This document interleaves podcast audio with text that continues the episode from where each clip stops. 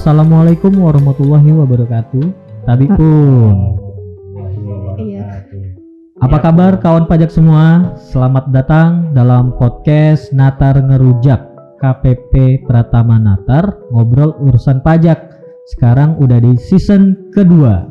Tempat kawan pajak ngobrol santai, curhat dan berbagi informasi terkini tentang pajak dan peraturan perpajakan terbaru.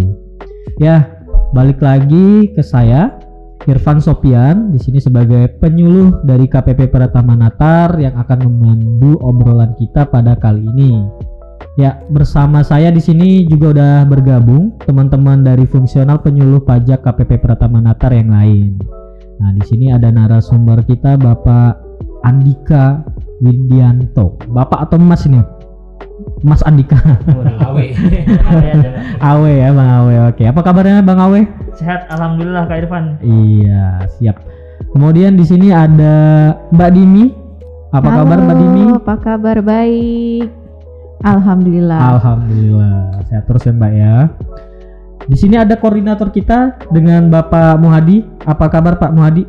Alhamdulillah kawan pajak semua sehat selalu di masa pandemi ini. Amin. Baik kawan pajak, kita masih terus bahas ya tentang salah satu klaster di Undang-Undang Harmonisasi Perpajakan.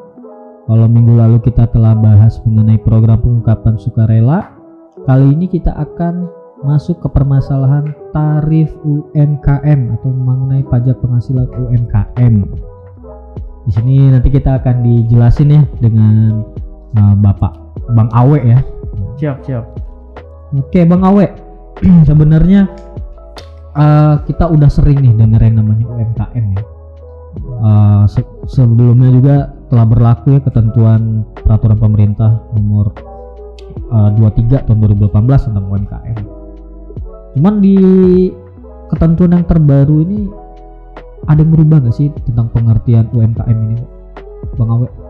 Nah, oke Bang Ginceng. Jadi sebenarnya sama kalau tentang ketentuannya. Jadi kita definisikan dulu apa itu UMKM ya, Bang Ginceng. UMKM Hmm. sendiri adalah usaha mikro kecil dan menengah. Jadi UMKM yang dalam undang-undang perpajakan ini tentunya pengertian UMKM dalam undang-undang perpajakan sendiri. Ya. Jadi bisa saja berbeda dengan pengertian undang-undang lain ya.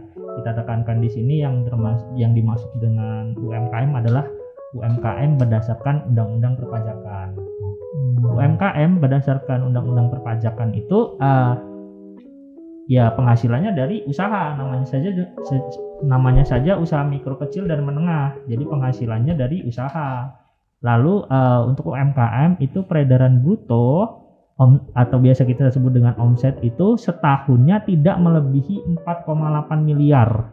Jadi eh, ditekankan lagi bahwa dalam tahun pajak tersebut eh, tidak melebihi 4,8 miliar. Nah, dan omsetnya ketika ditotal dari seluruh gerai eh, atau outlet ya kan misalnya ada cabang di mana-mana misalnya kan eh, outlet-outlet di mana-mana itu kalau ditotal eh, tidak lebih dari 4,8 miliar. Jadi itulah pengertian UMKM dari sisi perpajakan seperti itu.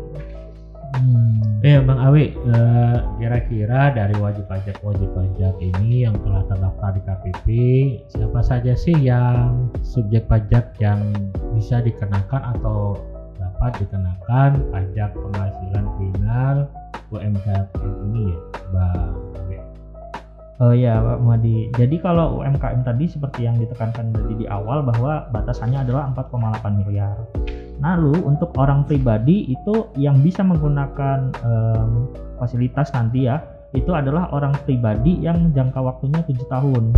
Jadi eh, itu sejak tahun pajak berlaku yang tadi disebutkan Kak Irfan bahwa PP 23 tahun 2018 itu berlaku mulai 1 Juli tahun 2018. Jadi untuk wajib pajak yang wa- wajib pajak lama eh, yang sebelum tahun itu eh, bisa memanfaatkan fasilitas PP 23 tahun 2018 itu saat tahun pajaknya berlaku.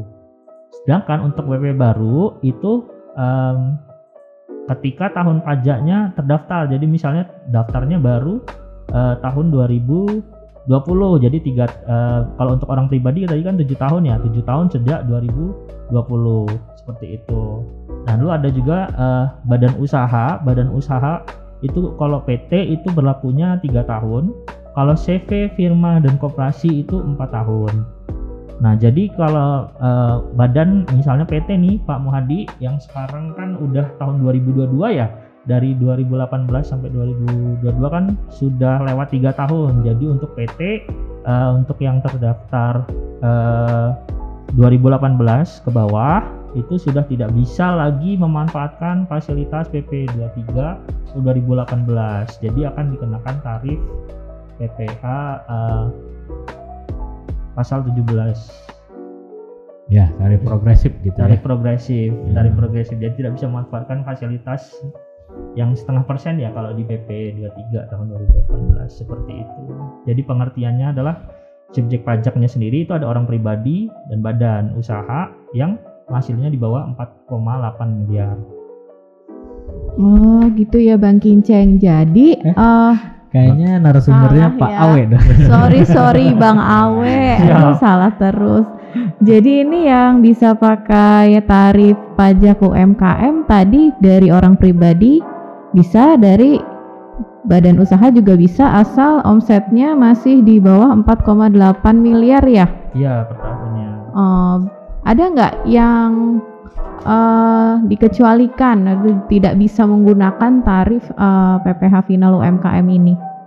Nah, tentunya ada Mbak Dimi. Jadi UMKM sendiri itu kalau misalnya eh, WP-nya sendiri, jadi WPOP maupun WP badan tadi itu memilih untuk dikenakan ketentuan umum tarif pasal 17 tadi dan tidak memilih menggunakan PP 23 itu bisa langsung menggunakan eh, tarif umum.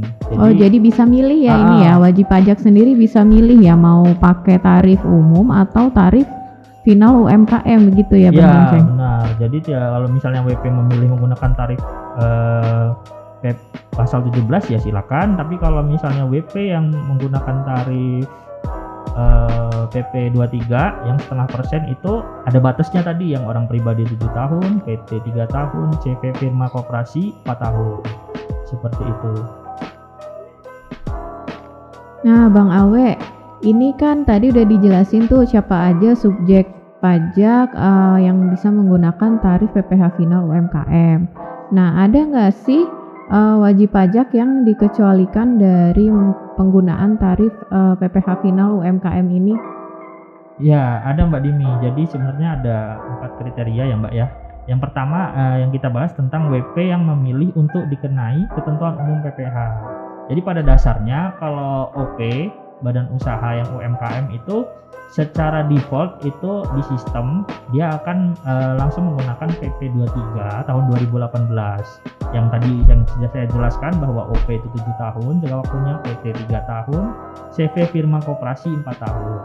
Namun, WP dapat memilih untuk menggunakan ketentuan tarif umum PPh dengan cara em, memberikan surat pemberitahuan eh, kepada Direktur Jenderal Pajak. Itu ada di menu DJP online, di menu KSWP, nanti di checklist tidak menggunakan PP 23 atau 2018, eh, 23 tahun 2018. Jadi kalau misalnya eh, orang pribadi tadi kan jangka waktunya 7 tahun nih Mbak Dimi, tapi misalnya dia di tahun ketiga udah nggak mau menggunakan tarif PP 23 ya nanti silakan menggunakan menu yang tadi saya sebutkan seperti itu jadi bisa memilih untuk tidak lagi menggunakan eh, PP 23 tahun 2018 walaupun eh, eh, wajib pajak tersebut tergolong UMKM seperti itu. Jadi untuk jangka waktu 7 tahun, 3 tahun, 4 tahun untuk CV ini tidak mengikat ya, cuman defaultnya ketika pertama terdaftar NPWP-nya atas wajib pajak tersebut bisa langsung uh, menggunakan tarif PPh final UMKM begitu ya. ya benar Mbak Dimi seperti itu Namun dari awal kalau dia menolak untuk menggunakan tarif PPh final UMKM juga boleh ya? boleh sing- eh, tinggal nanti tadi dia memberitahukan ke Direktorat Jenderal Pajak seperti itu. Oke.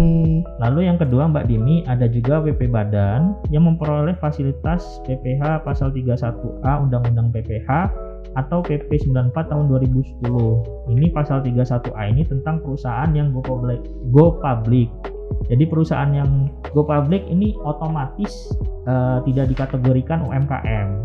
Walaupun Walaupun omsetnya di bawah 4,8 miliar Hmm. karena dia go public. Seperti itu. Lalu ada juga BUT untuk usaha tetap. Ini misalnya ada Google ya Mbak Demi. Google kan perusahaan luar Indonesia, tapi anak perusahaannya ada di Indonesia. Nah inilah yang salah satu bentuk eh, contoh BUT. Walaupun Google ini di bawah 4,8 tapi saya rasa nggak mungkin ya kalau Google di bawah 4,8 miliar kan Mbak Demi. Itu tetap dikategorikan dikategorikan sebagai BUT yang tidak termasuk UMKM. Lalu ada juga CV eh, firma yang dibentuk oleh beberapa WPOP yang memiliki keahlian khusus atau menyerahkan jasa sejenis dengan jasa sehubungan dengan pekerjaan bebas. Misalnya nih kayak kantor pengacara apa gitu Mbak Demi. Kan itu kan dibentuk atas eh, dasar WPOP yang punya eh, wajib pajak yang punya keahlian khusus pengacara gitu dan kalau misalnya omsetnya masih di bawah 4,8 juga tidak bisa dikategorikan sebagai UMKM seperti itu.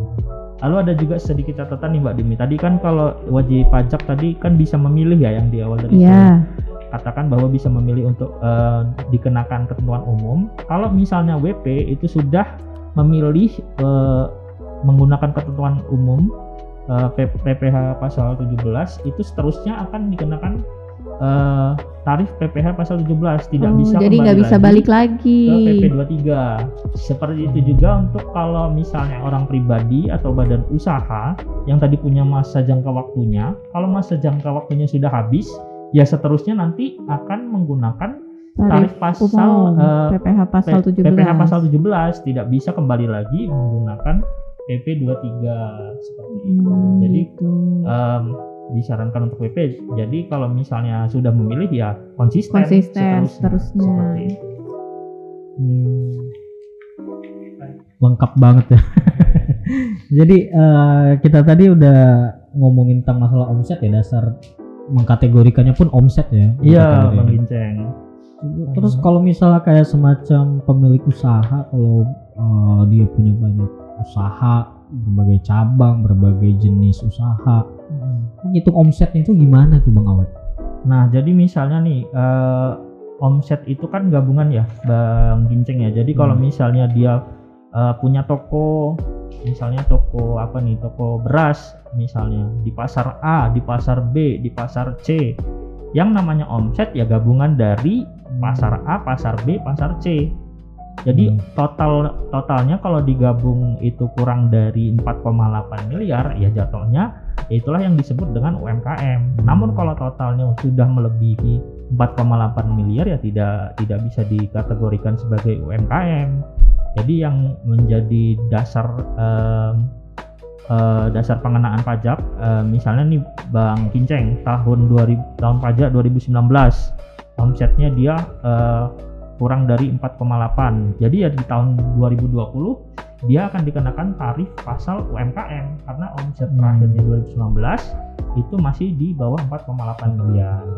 Kalau misalnya lebih nah, sudah tidak bisa menggunakan tarif UMKM seperti itu Berarti ini ya usaha dia di semua cabang dan di semua bentuk ya kan? iya Kadang ada juga usahawan-usahawan kita ini pengalaman di KPP Pratama Natar ya. Misalnya tadi selain dia jual beras, dia juga punya toko bangunan tuh. iya Itu dijumlahkan semuanya ya, Dijumlahkan. dijumlah dijumlahkan semuanya. misalnya aja dia di punya kedai kebab Ah, terus misalnya kedai Ada boba susu, juga. boba kayak gitu ya itu kan eh, ibaratnya cuman varian bisnisnya aja jadi omsetnya ya totalnya setelah digabungkan itu bang kinceng seperti itu Oke Bang Awi ini nih kawan kawan pajak ini sudah sadar nih dan sebagai usaha UMKM harus bayar pajak nih. benar Terus gimana sih cara ngitungnya tuh Bang Awi? Nah, berdasarkan PP 23 tahun 2018 untuk UMKM, baik orang pribadi maupun badan, itu dikenakan tarif setengah persen dari eh, penghasilan brutonya dan sifatnya final. Jadi untuk eh, UMKM yang tadi disebutkan di awal OP, badan, eh, firma yang badannya berupa firma CV, operasi itu dikenakan tarif final Pak Muhadi sebesar setengah persen saja. Kalau sebelumnya kan satu persen ya kalau tidak salah tahun 2013 PP 46 Saya dapat duit sejuta gitu, pajaknya berapa? Kalau juta lima ribu, lima ribu saja Pak Muhadi. Jadi kalau orang eh, berpikir bahwa pajak besar itu tidak bagi, bagi UMKM itu sangat kecil ya untuk hanya setengah persennya saja gitu. Jadi kalau sejuta lima ribu gitu. Sejuta lima Sehari ribu. ini omsetnya seminggu ini omsetnya sejuta, jadi bayar pajaknya lima ribu ya? Iya. Nah kira-kira Bang Awe kalau dibikin contoh kasusnya kayak gimana nih hitung PPh final UMKM? Nah misalnya nih Mbak Dimi nih eh, punya usaha ya ini Mbak Dimi ya di pasar Tanah Abang nih misalnya jualan baju atau apa gitu kan ini eh, tahun 2020 omsetnya itu sebesar 2 miliar Wow. 2, 2 miliar berarti tahun 2021 masih dikategorikan sebagai UMKM Karena belum lewat dari 4,8 8 miliar. Nah, misalnya aja Mbak Dimi Januari eh, penghasilannya 150 juta, eh, apa omset peredaran brutonya 150 juta. Februari 120 juta, Maret 130 juta, April 170, Mei 250, Juni 300 juta, Juli 200 juta, Agustus 200 juta, September 160 juta, Oktober 100 juta, November 180 juta, Desember 200 juta. Nah, ini kan masih masih di bawah 4,8 ya Mbak Dini setelah. Ya tinggal kalikan saja Mbak Dini. Kalau misalnya yang tadi Januari misalnya 150 juta, ya dikalikan setengah persennya saja. Cuma- Jadi pajak PPh finalnya cuma 750 ribu dari omset Mbak Dimi yang 150 juta tadi cuma 750 ribu pajak yang harus dibayarkan dan disetorkan. Begitu juga seterusnya. Jadi ke